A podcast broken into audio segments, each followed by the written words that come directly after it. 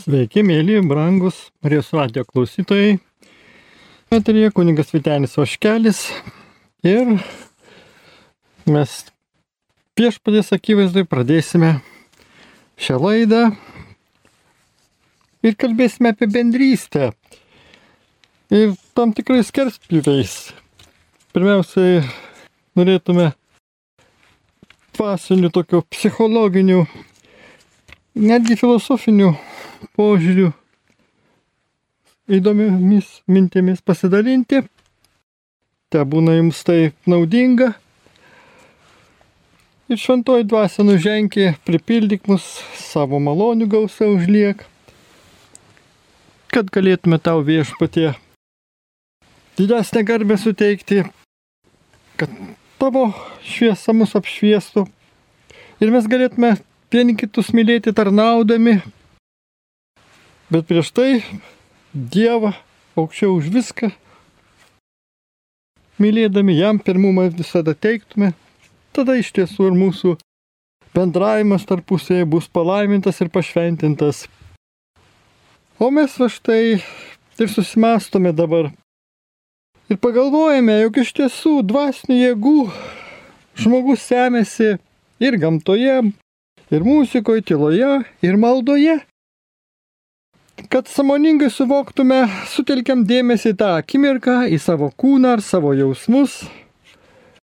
Ir žinot, kartais būna net naudinga mums būti vieniems, kad galėtume visą tai patirti taip tiesiog apčiopiamai, kad galėtume iš tiesų prisiminti viešpatį to vienumoje ir jį pašlovinti. O vis dėlto Jei visą tai, tai darysime tik savo, nesidalindami su kitais, bendraminčiais, tai žinot, mūsų siela ilgainiui nuskurs. Net pats gražiausias saulėlydis nesuteiks palaimus, jei nebus kito žmogaus, su kuriuo galėtume pasidalinti tą ypatingą akimirką. Neveltui sakoma, jog pasidalintas džiaugsmas yra dvigubas džiaugsmas lygiai taip pat su kitais pasidalintos dvasinio išgyvenimo akimirkų malonės mūsų gyvenime daug intensyvesnės ir teikia daug didesnį džiaugsmą ir pasitenkinimą. Kuo didesnė darna, tuo daugiau pasisėmėme dvasinių jėgų. Dabar dar paklauskime, kodėl bendrumas, artumas ir įsijautimas į kito asmens emocinę būseną taip svarbu ir mūsų pačių psichikai. Štai evoliucinių požiūrių žmogui, kad išgyventų suprantama reikia gentainių pagalbos, paramos, giminės apsaugos. Mažų vaikų taip pat privalo pasirūpinti kiti.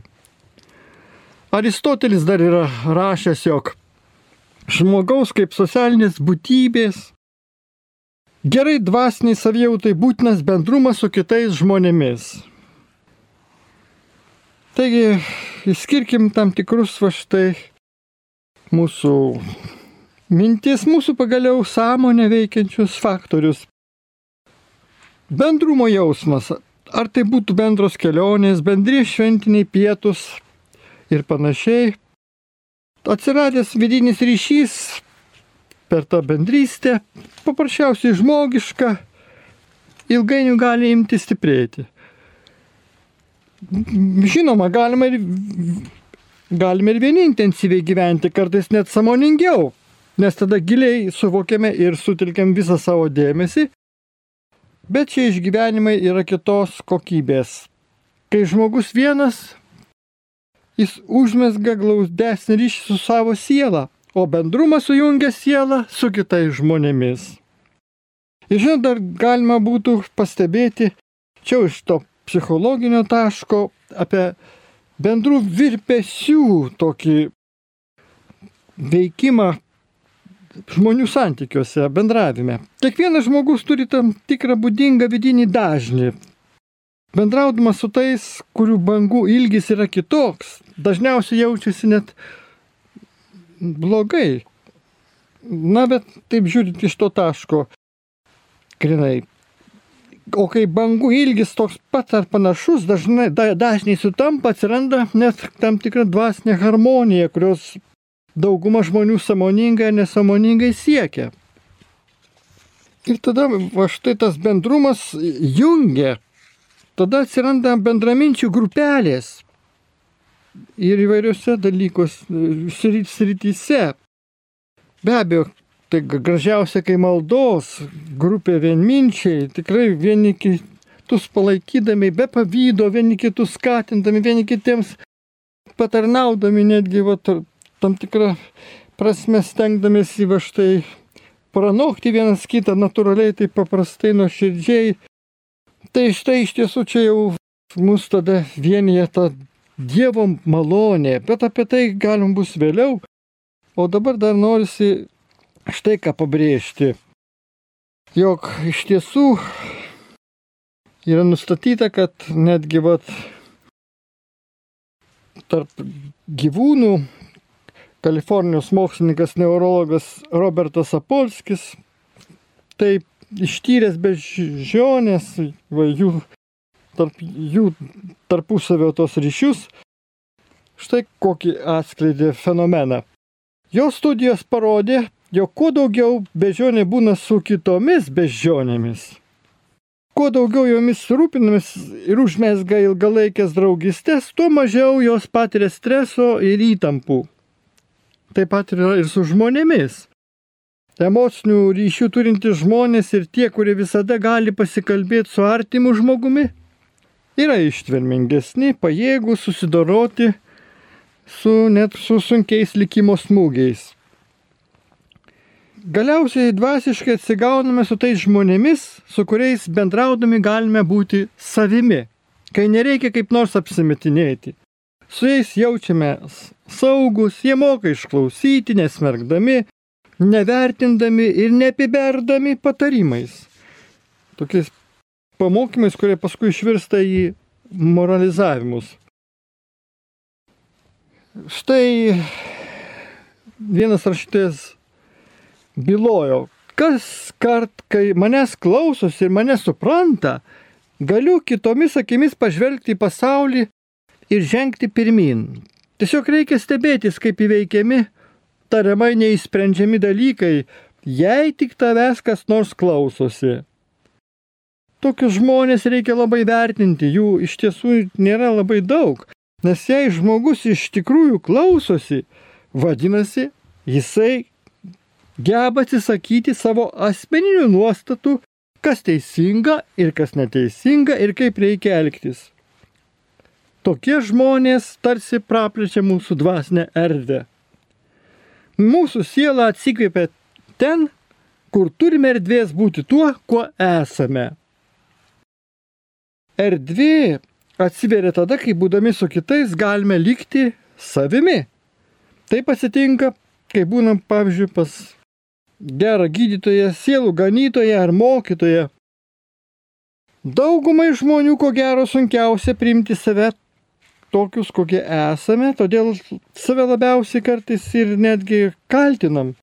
Ir neteisingai save tokiu būdu vertinam.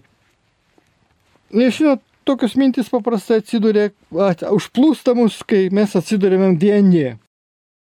Taigi nuo to mus ir gali apsaugoti kitų žmonių empatija, gebėjimas įsijausti į kito žmogaus emocinę būseną,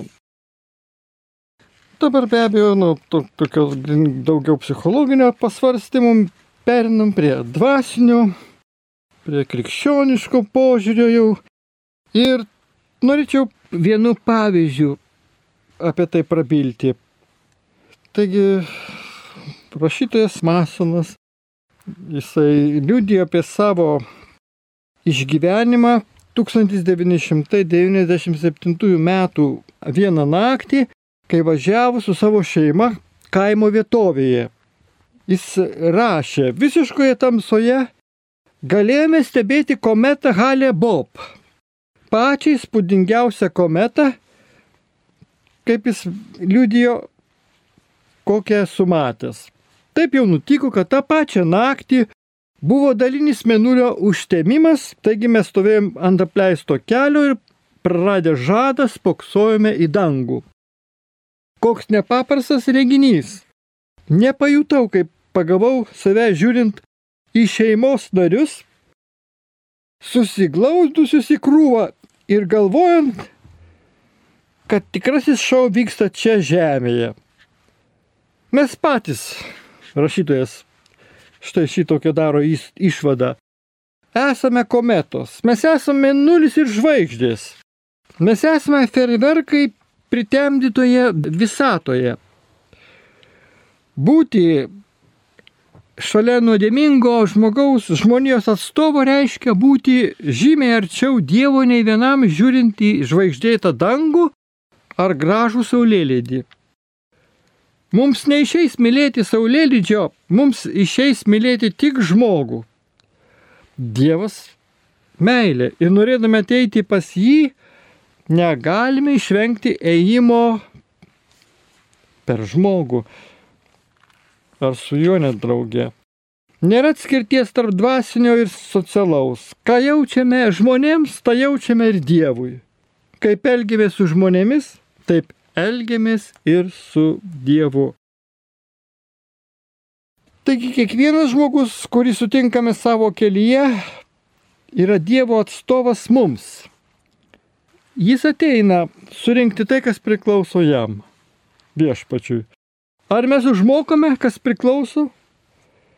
Ar atiduodami nuolatinę meilę skolą, kaip romiečių 13 skyriuje rašoma? Ar elgiamės su Dievo žmonėmis pagal civilizuotą, tam tikrą štai ekvivalentą? Ar ignoruojame juos, pasitraukime nuo jų, sėdime ramiai juos teisdami, pateisintami savo meilės neturtą? Kiek kartų taip nepadarėte vienam iš šitų mažiausių, nei man nepadarėte. Jei laikau savo širdyje pykti kitam žmogui, argi nejaučiu tų pačių jausmų Dievui? Ir vien tik Dievui, bet ir, ir ne vien jam, bet ir kitiems žmonėms, įskaitant ir save.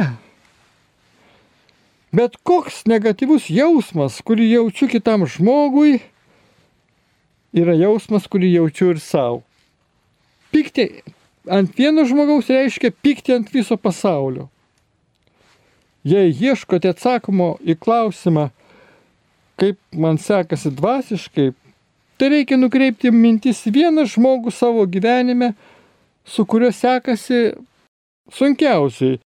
Ir šis žmogus parodo, kur mano širdyje nėra susitaikymo su Dievu. Niekas taip negebės atidengti mūsų visiško bejėgiškumo, kaip kitas žmogus. Kitaip tariant, tam žmonės yra skirti. Mes nebuvome sutverti, kad būtume nepriklausomi. Veikiau priklausome vienas nuo kito, kad padėtume vienas kitam. Jei mums nepatinka galvoti, ką jaučiame kitam žmogui, tai dėl to, kad atsiskleidžia mūsų nepakankamumas. O taip, Dievas jau seniai žino apie mūsų šį nepakankamumą, o ar mes žinome? Jei tik galėtume pripažinti, kad esame priklausomi nuo kitų, o juk tai yra mūsų dvasinis meilės poreikis, būkime įsitikinę, tada mūsų asmeniniai problemų gneuštai atsilaisvintų. Juk ar netiesa, kad kiekvienos nuos problemos šaknis yra pažeistas žmogiškasis santykis? Nuodėmę galime apibrėžti kaip bandymą patiems įspręsti savo problemas, neieškant jokio santykio. Pasižiūrėk į žmogų, sėdinti šalia tavęs ir pasiklausk, kiek man reikalinga meilė? Ne vienas iš mūsų negalime būti arti Dievo, nebūdami arti žmogaus. Geras Dievo draugas negebės atsakyti žmonėms meilės. Ar myli Dievą? Pažiūrėk į žmogų šalia savęs ir žinosi atsakymą. 333 psalmė štai skelbia tokią žinę. Žiūrėk, kaip gera ir malonu, kur broliai gyvena vienybėje. Taigi gyvenimas duotas, kad juo dalytumės su kitais, su aplinkiniais. Dievas nori, kad mes sužinotume, ką reiškia gyvenimas drauge. Šventasis raštas tą patyrimą vadina bendravimu. Deja, šiandien šis žodis praradęs didžiąją dalį net tos biblinės prasmės. Bendravimu šiandien dažnai įvardymas paprasčiausias pokalbis, pobūvis valgymas ir pasilinksminimas. Klausimas, kur vyksta jūsų bendravimas, reiškia, kur jūs lankote bažnyčią. Kvietimas po pamaldų pasilikti bendravimu dažnai reiškia kvietimą kartu išgerti arbatos. Ir tai yra nėra blogai, bet vis dėlto yra aukštesnis bendravimo tarpusavį, tarp tikinčių lygmuo. Tikrasis bendravimas tai gerokai daugiau nei vien pasirodymas šventų mišių metu, pasimeldimas. Jis reiškia gyvenimą drauge. Jis apima nesavanaudišką meilę, ir sažiningą dalyjimąsi, ir praktinį patarnavimą, ir paukojimus, ir nuoširdžią paguodą, ir visus kitus naujajame testamente randamus įsakymus, nusakančius, kaip turime elgtis vienas su kitu. Taigi, kalbant apie bendravimą, svarbus yra dydis. Kuo mažiau, tuo geriau. Šlovinti galime draugė su visa minė, tačiau neįmanoma su ją bendrauti. Taip, gali šitalies tas bendravimas vykti, kai štai kelbiamas Dievo žodis ir tai daro misionierius, pavyzdžiui, kur svetur, tai yra tas grįžtamasis toks dvasinis ryšys, žmonės klauso, ir įsiklausydami su viešpačiu gali bendrauti arba netgi ir melsis už tą, kuris kalba, kad dar sėkmingiau to tiesą sėjama žodžių sėkla kristų į klausančiųjų širdis. Bet vis dėlto mes prisiminkim patį viešpatį Jėzų, kuris įsirinko 12 to paštalų ir su jais bendravo. Iš vien jiems atvėrė savo Dievo karalystės slėpinius. Jie daugiausiai gavo to atgamtinio mokslo žinių. Ir tai visa iš tiesų tapo raugų didžiosios bažnyčios įsiplėtimo pasaulyje per grupelę, per va štai šitą apaštalų pasiaukojimą šventai dvasiai nužengus ant jųjų. Kai tik grupė peržengia dešimties narių ribą, kuris nors jau liaujasi dalyvavęs, dažniausiai tai būna tyliausias žmogus ir grupėje ima dominuoti kiti keli žmonės. Na taip, Jėzus tarnavo su nedidelė palyginti mokinių grupe, jis galėjo pasirinkti daugiau, tačiau žinojo, kad 12 yra ko gero daugiausia, kiek gali būti žmonių grupėje. Viešpatės Kristaus kūnas, kaip ir mūsiškis, sudarytas iš gausybės mažyčių lastelių. Kristaus kūno, kaip ir jūsų gyvybės lypi tojose lastelėse. Todėl krikščionis savo bendruomeniai turi dalyvauti. Maldos, pavyzdžiui, grupės veikloje ar moteris pasimelsdamas su savo vaikus ir šeimas, pavyzdžiui, motinų maldoje grupėje ir panašiai. Būtent čia vyksta tikrasis bendravimas, o ne gausiuose susirinkimuose. Jei savo bažnyčią įsivaizduojame esant kaip laivą, tai nedidelis grupelės yra kaip prie laivo pritvirtintos gelbėjimosi valtys. Ir Dievas nedidelėms tikinčiųjų grupėms tiems bureliams yra palikęs nepaprastą pažadą. Kur du ar trys susirinkę mano vardu, ten ir aš esu tarp jų. Tačiau net dalyvavimas mažoje grupėje neužtikrina, kad patirsime tikrai bendravimą. Reikia kažko daugiau. Nuo širdį bendrystė nėra formalus paviršutiniškas koks pasiplėpėjimas. Tai nuoširdus dalymasis iš širdies į širdį, kartais atveriant net pačias lapščiausias širdies kertes. O tai būna tada, kai žmonės sažiningai prisipažįsta, kokie jie yra ir kas vyksta jų gyvenime. Jie drąsiai, be abejo, išlaikydami konfidencialumą, dalysi nuoskaudomis, atskleidžia savo jausmus, išpažįsta nesėkmes, išsako bejonės, pripažįsta savo baimės, silpnybės ir prašo pagalbos bei maldos. Nuoširdumas yra visiška priešingybė to, ką kartais galime pastebėti bažnyčiose. Na tai būna, kad žmonės ir dėvi tas kaukės, saugos, elgesi taip, lyg jų gyvenime viskas rožėmis klota. Taip, tada iš tiesų sunkiau su tokiais žmonėm melsis, kai vat kartais pasireiškia tas žmonių negatyvas, tas trukdis, tas, ką reikia atiduoti į Dievo šviesą, prašyti išgydymo, vidinio išlaisvinimo, kad ateitų tikrai ta ramybė ir taika į tą grupelį, visus jos narius. Taigi tik atsivėrę patiriame tikrąją bendrystę, neveltui šventasis raštas byloja. Jei vaikščiojame šviesoje, kaip ir jis, viešpas yra šviesoje, mes bendraujame vieni su kitais. Jei sakytume, jog neturime nuodėmės, klaidintume patys save. Pasaulis mano, kad tas intimus bendravimas vyksta tamsoje. Tačiau Dievas sako, kad jis vyksta kaip tik šviesoje.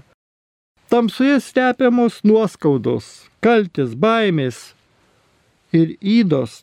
Tačiau šviesoje visą tai atvirai parodome ir pripažįstame, kokie esame iš tiesų. Iš tikrųjų. Be abejo, būtino širdžiam reikia ir drąsos ir nuolankumo. Reikia nugalėti baimę, atsiverti kitiems, baimę būti atstumtam ir vėl įskaudintam. Tai tada kyla klausimas, kamgi rizikuoti.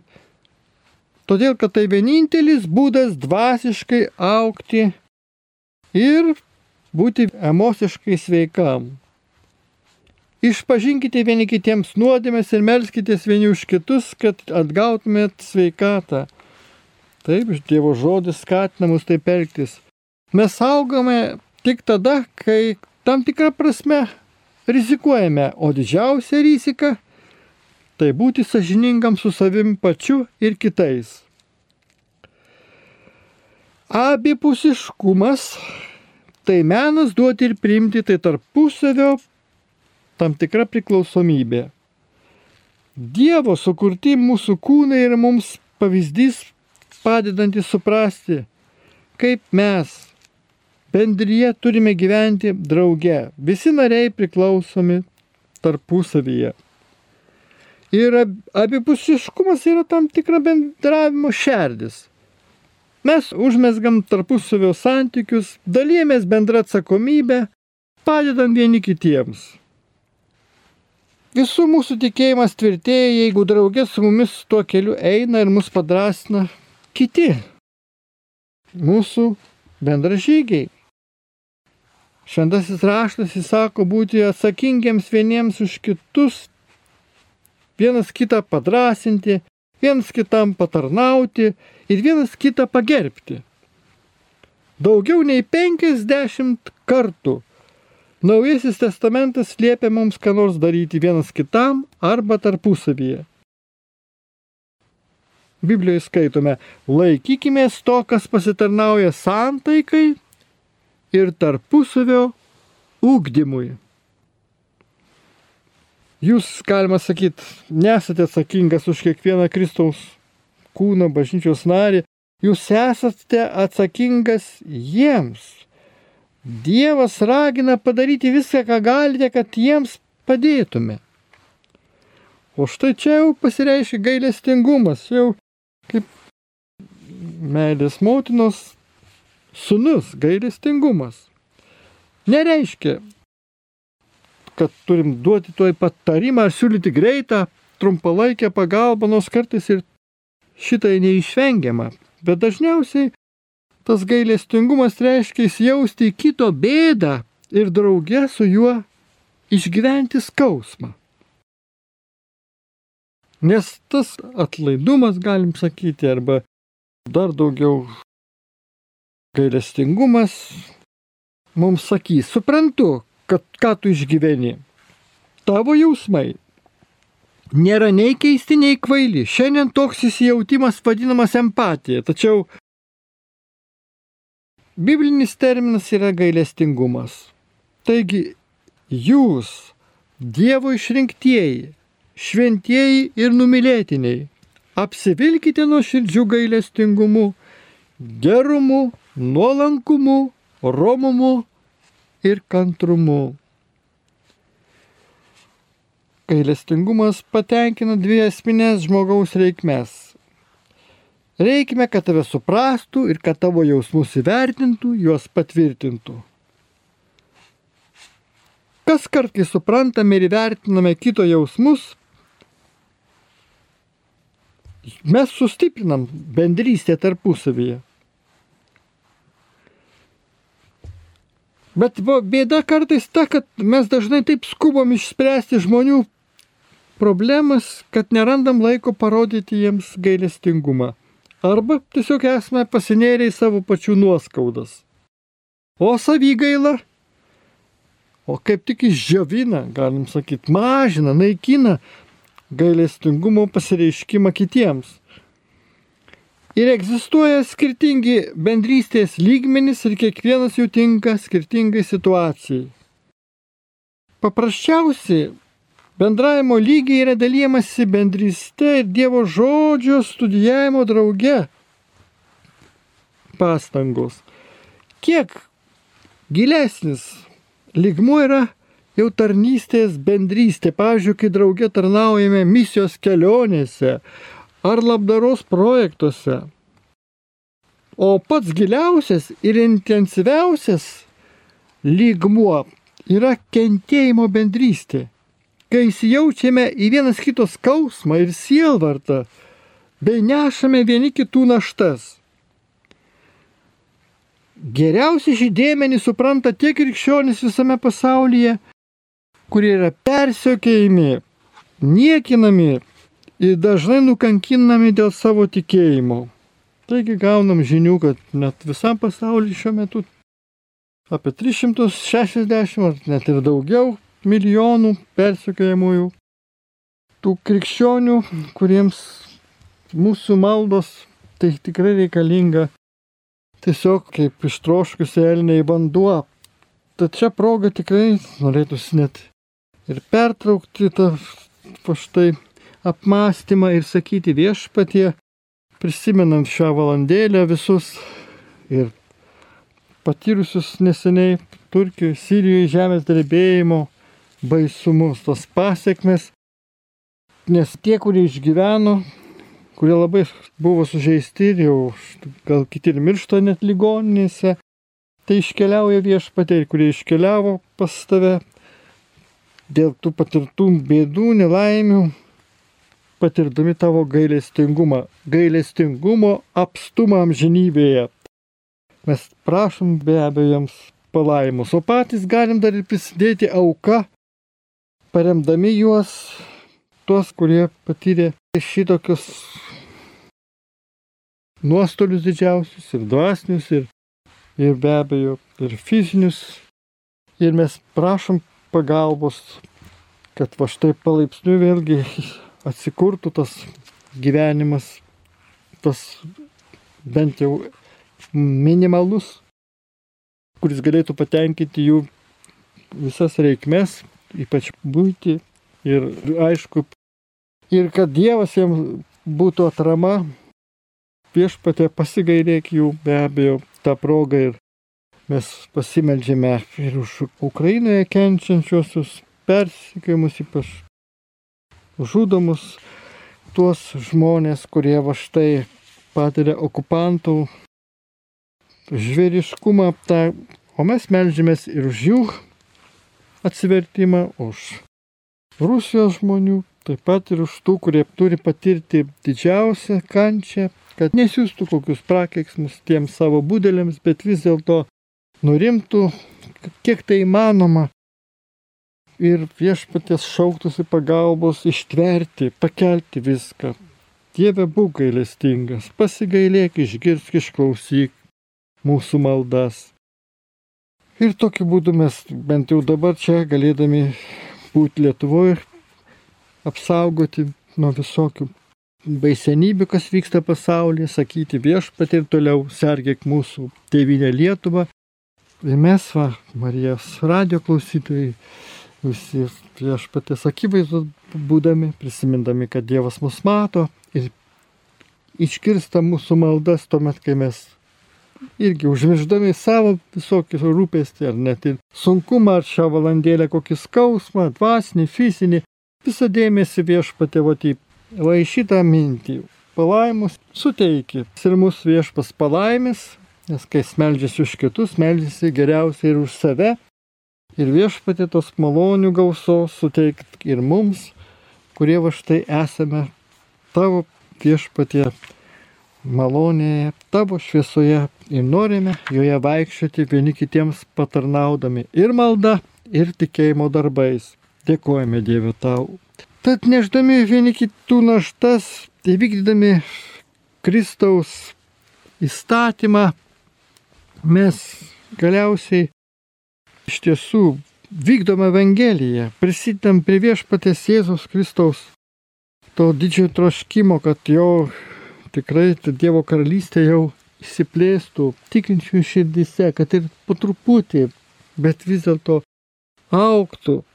Ir mažame burelėje, kaip minėta, Kristaus buvimas kartais net būna realus, ypač kai pagarbinamas viešpas, kai tie bendraminčiai vienos širdies žmonės susirinkę šlovina viešpatį, kviečia šventą dvasį į savo širdis ir viešpas pripildo, pradžiugina tas širdis, išlaisvina iš visokių tų klaidų, silpnybių, apvalo ir Kristaus kraujas tikrai mus gydo, mus išlaisvina iš piktosios dvasios žabangų. Ir tada, kaip prisiminam Jobą, jo kančioje, kai jisai šaukėsi, bėdoje kaip ši man reikia ištikimų bičiulių, ar būčiau atmetęs visagalio baimę ar ne. Taigi, vieni kitus palaikydami šito žemiško kelionė, vieni kitiems gero linkėdami, vieni už kitus melzdamėsi, mes tikrai artėjame viešpatė prie tavo mylinčios širdies. Ir tai drauge darome. Šis ratas mažėja. Artėdami prie Jėzus mes artėjame vieni prie kitų. Ir šitokiu būdu skelbiam Dievo šlovę, Dievo garbę ir sakome, Jėzau, tu esi mūsų vienintelė viltis, tu mūsų pagodo šaltinis, ramybės oazė ir džiaugsmo versmė. Taigi visiems mums reikia malonės, nes visi suklumpam ir nupuolam, visiems mums reikia pagalbos, kad vėl atsistotume ant kojų. Tad privalome mokytis, būti vieni kitiems maloningi, būti pasiruošę vienas iš kito priimti malonę. Viešpas sako, jūs turėtumėte jam prasikaltusiam atleisti ir jį paguosti, kad pernelyg didelis nusiminimas jo nepražudytų. Čia tokia yra išplėstinė švento rašto vertimo versija, bet iš tiesų prasmingi žodžiai. Taigi turime pastiprinti ypatingai tam, kuriam labai sunku. Turime jį palaikyti turime užtarti maldą. Net jeigu ir per telefoną žmogus prašo, ar žinutė mums primena savo bėdą, skausmą. Ačiū Dievui, kad jis išdrįstat šito prašyti. O mūsų jautrumas, mūsų širdies jautrumo indikatorius ir yra kaip tik liūdimas, kad mes atsivėrę patys viešpatė tavo maloniai, esam jautrus sąžinės balsui ir Meldžiamės, taip, kaip galėdami tą valandėlę gal mūsų trikdo, gal užsiemė kokiais rūpesiais darbais, bet jeigu prašo mus kažkas pagalbos, mes atsiliepiame į tą viešpatę prašymą veiksmų. Tikrai viešpatė prašom, kad malonės to atsinaujinimo dovanos ir tikime tavo viešpatė pagalba nužengia į šią valandėlę. Vėlgi mūsų maldos sutelktos ir to atsinaujinimo vidinio, tokio šviežumo, šventos dvasios. Arba tada daugiau mes galim prašyti alkio Dievo, troškimo viešpaties, tos ugnies, kuri nutyrina mus ir mūsų širdis atnaujina iš šaknų Na ir taip pat ir Dievo malonės, o svarbiausia, kai išklauso viešpats mus, mes dėkojame už tai, kad atrodo mažesnė palyginus mūsų sveikatos negalę problemėlė, bet va, dar kaip tik lengviau prašyti, drąsiau mes galim melstį tokiose situacijose, ne iš karto ieškoti vaistų ar kažkokiu tai piliulių gert nuo galvos ar nuo kažkokios gal gerklės sopėjimo, kai mus suima tokia maža bedelė, Bet mes viešpatė tave prisimenam. Jeigu tai tampa įpročiu, su tavim pabendrauti ir iš tavęs laukti atsakymo ir prašyti, kad tu mus gydytum, prisiliestum. Taip, tada mes viešpačiui teikiam pirmenybę, pirmumą. O gal jis ir sakys, primins, kad reikia gal ir pas gydytoją nuvykti, nes čia šiuo atveju toks nuolankumas, klusnumas irgi, nes jeigu buvo atidėliojami kartais, dėl tam tikros baimės pas medikus nueiti, va, būtinumas toks buvo atidėta, gali maloninė Dievo ir paskatinti tai padaryti. Bet vis tiek visada pirmiausia prašome viešpatie tavo išgydymo, tavo malonės laukiam. Tavo žaizdomis esame išgydyti, todėl pirmiausia į tave kreipiamės, nes tu esi tikrasis mūsų visų širdžių, mūsų kūnų gydytojas. Tau Dieve šlovė ir garbė per amžius. Turime klausimą. Garbė Jėzui Kristui. Per amžius. Ačiū. Už nuostabią laidą apie draugystę su Jėzumi. Kokia ji turėtų būti, kaip ją stiprinti, tą draugystę su Jėzumi, klausė klausytojas. Tai štai, nuo to klausimo kelimo jau pats faktas, kad jūs taip klausėte, čia tiesiog trumpai atsakysime. Bet iš tiesų jau yra vadinasi vidinis noras. Tai Dievo malonės pirmiausia veikimas pasireiškia. Ne mes va štai kažkokią rodom iniciatyvą, ieškodami viešpatės veido, bet visada Jėzus mums duoda tą dovaną. Jis pirmas žengia žingsnį, jis mūsų kūrė, jis mūsų atpirko, jis dabar mums šią valandą sako, atverk, brolau, savo širdį viešpačiui man. Ir kvies mane, šaukis jojo, ir aš ateisiu, ir būsiu išklausytas ir palaimintas. Ir skaityk Dievo žodį, melskis, bendrauk su kitais, skelk liūdik viešpatį pagal galimybės, pagal situacijas. Ir aišku, būtinai šventai raštą skaityk su komentarais ir tą pačią mūsų Marijos radio laidas klausyk jos. Ir panašiai. Visą tai dvasinį charakterį stiprina mūsų vidinis žmogus, tuomet diena iš dienos atsinaujina, veikiant šventai dvasiai per Jėzaus Kristaus malonę, Dievo tėvo garbiai. Taigi garbindami viešpati Jėzų, garbinam trejybę, o jin ateina ir apsigyvena mumise. Taip, tuomet, kai kviečiam, kai šaukimės viešpaties Dievo pagalbos. Taigi dėkojam tau, Dieve, už buvimą draugės su tavimi. Tad jūs visus šį vakarą dar kartą laiminu. Linkiu jums malonių gausos toliau tęsti draugystę su mūsų viešpačiu, su mūsų Jėzumi Kristumi, kuris viską atidavė dėl mūsų, kad ir mes galėtume atiduoti save broliams sesėm, dalinti save kaip duona. Taigi prie mikrofono buvo kunigas Vitenis Vaškelis ir atsisveikinu su visais, su Dievu.